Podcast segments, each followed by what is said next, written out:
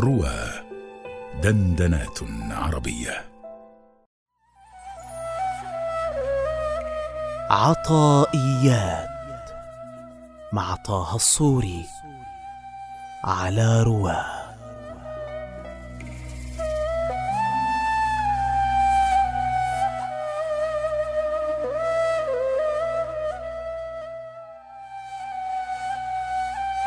الصلاة محل المناجاة ومعدن المصافاة تتسع فيها ميادين الأسرار وتشرق فيها شوارق الأنوار.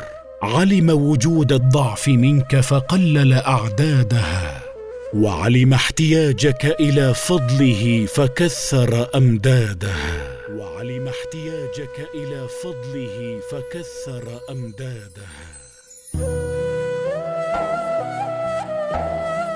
يعني أن الصلاة هي محل مناجاة العبد لربه بتلاوة كلامه والثناء عليه ومعدن المصافاة معه بتوجهه بكليته إليه وبقدر إقبال العبد يكون إقبال الرب. وثمرتها إذا كانت على الوجه الأكمل أنها تتسع فيها ميادين الأسرار أي تتسع فيها القلوب الشبيهة بالميادين للفرسان. بمعنى أنها تنشرح بتوارد الأسرار أي العلوم والمعارف التي تتسابق إليها كتسابق الفرسان. وهذا يتسبب عن كونها تشرق أي تطلع فيها شوارق الأنوار. أي الأنوار الشبيهة بالكواكب الشارقة فإن الأنوار إذا أشرقت في القلوب انشرحت. لما يرد عليها من العلوم والمعارف؟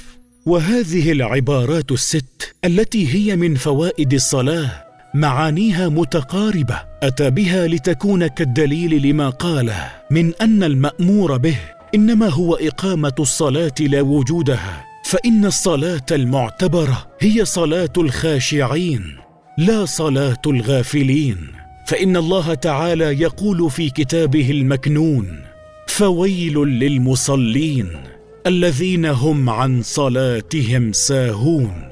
ثم قال علم وجود الضعف منك أيها العبد فقلل أعدادها بجعل الخمسين خمسة وعلم احتياجك إلى فضله وكرمه فكثر أمدادها أي ثوابها وأسرارها فجعلها خمسا بالفعل وخمسين بالأجر فاحمده على ما أنعم. واشكره على ما تفضل وتكرم.